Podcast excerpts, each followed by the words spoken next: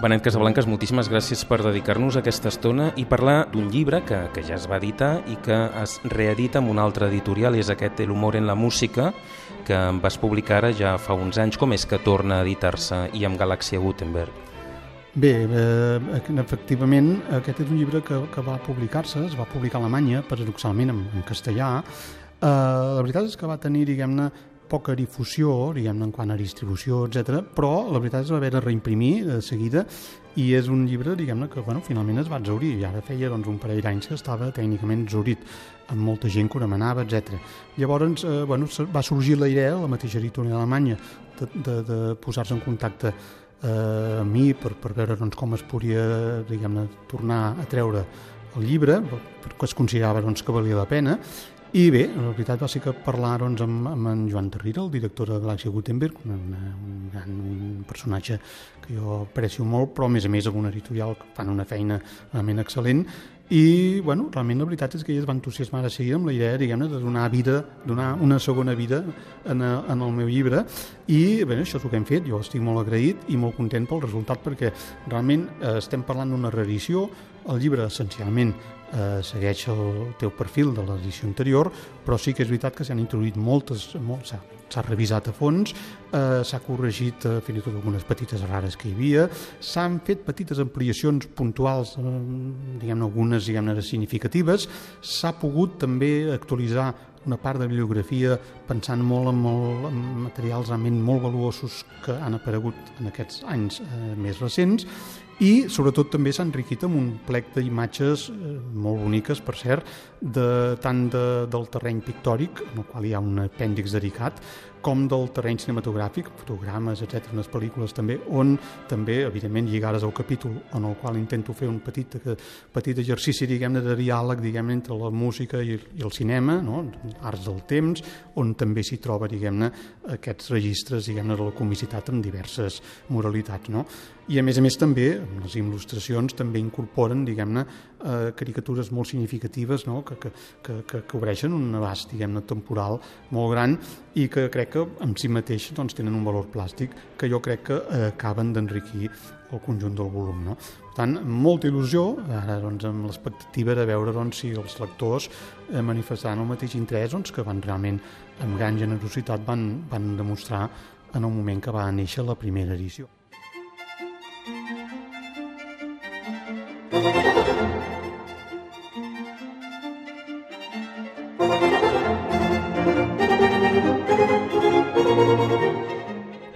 Tocar un tema en aquell moment quan es va publicar el primer cop que semblava que era com antagònic, no? Música clàssica i humor semblen conceptes que no puguin anar junts i ens vas demostrar a través de molts exemples, molt d'anàlisi, que no, que de música n'hi ha molta i d'humor en la música també. Hi ha certs compositors que això ho tenien com molt present, no? Sí, en efecte, com dius molt bé. Bé, a mi el que em va sobtar més és que, evidentment, és un llibre que, que va néixer gairebé, diguem-ne, sense cap mena de premeditació, va néixer com una prolongació natural de la meva, de la meva activitat pedagògica, que en aquell moment encara era més intensa, però que sempre he anat eh, mantenint, no? I que penso que és una font d'enriquiment també personal important i espero que ho sigui pels altres, no?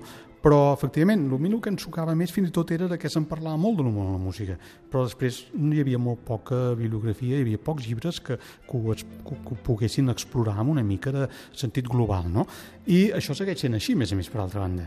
Eh, possiblement per això, diguem el llibre ha tingut realment també a nivell crític i aquí i a fora una repercussió molt important i que pensem que ara això doncs, encara es pot, diguem-ne, intensificar més, no?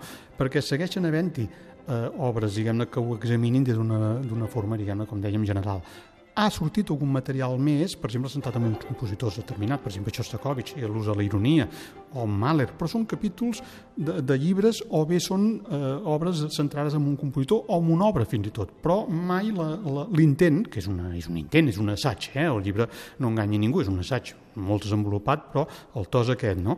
de veure realment els diversos registres, perquè una cosa, diguem-ne, és l'humor, diguem-ne, la imitació, la caricatura, la eh, flauta màgica, un moment doncs, de la, que tothom té en ment, no? vull dir, tot molt proper en el, en el gènere bufo, etc. No cal dir Rossini, etc. Però llavors pensem, per exemple, en Schubert, eh, aquí ja podem parlar més aviat d'ironia i gairebé ironia tràgica, o sense gairebé, o Mahler, o Schoenberg, però llavors podem parlar també de la paròdia, Mozart, amb la broma musical, o podem parlar de l'engine, el joc de paraules, pensem en Haydn, pensem en el propi Beethoven. Eh, vull dir que l'humor, diguem-ne, realment eh, abasta, diguem-ne, registres també molt diferents i en aquest sentit la música no és diferent que si parléssim de literatura, on sí que hi ha molts estudis que analitzen l'humor, la comicitat des de diversos angles, o el cinema mateix, o, per exemple, eh, fins i tot en, en, en gèneres, diguem-ne, que una mica més eh, allunyats en aquest sentit, com la pròpia pintura, i d'això també en parlem. No? A veure, el, un dels, dels germans inicials on va sorgir la idea de donar forma a el que per mi havia estat la meva pròpia recerca era un article precisament d'Alfred Brendel. Eh, té que ser la música clàssica necessàriament seriosa? Es preguntava ell.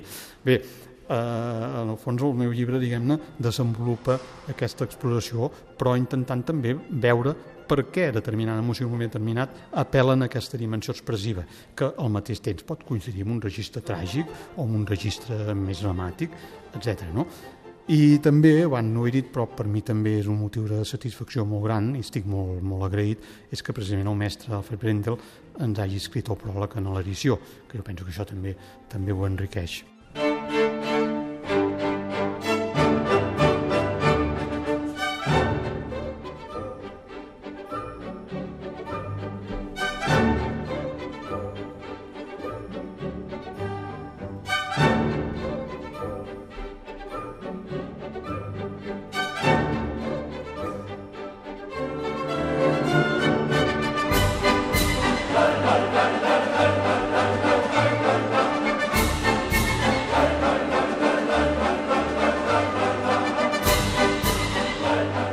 Penses que és un llibre, però, per iniciats, per estudiants de música, o s'hi pot acostar qualsevol melòman? Sens dubte, sens dubte diguem-ne, diguem és un llibre que s'adreça sobretot, evidentment, a melòmens.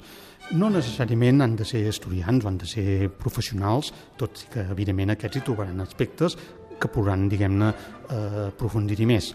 Però el meu, diguem-ne, principal interès és justament donar al melòman general en general, i fins i tot a persones, diguem-ne, molt interessades en els llenguatges artístics, en el món de la cultura en general, pensament humanista, per tant, un públic molt més divers, diguem-ne, algunes claus que els hi permetessin simplement gaudir més de la música, és a dir, davant de determinada obra, diguem-ne, donar, intentar de, de, diguem-ne, donar unes eines que finalment puguin revertir amb, amb un goig més gran a l'hora d'escoltar música tant els uns com els altres. Una mica és aquella, eh, no és que vulgui fer una comparació, però hi ha una carta molt intel·ligent de Mozart que ve a dir una cosa semblant quan ell parla amb el seu pare de com és la seva última obra, no? Diu, bueno, és una obra, diguem-ne, que evidentment hi ha elements que hi he posat que són perquè els entesos, realment, només els entesos en podran assaborir tots els detalls i s'ho passar en pipa.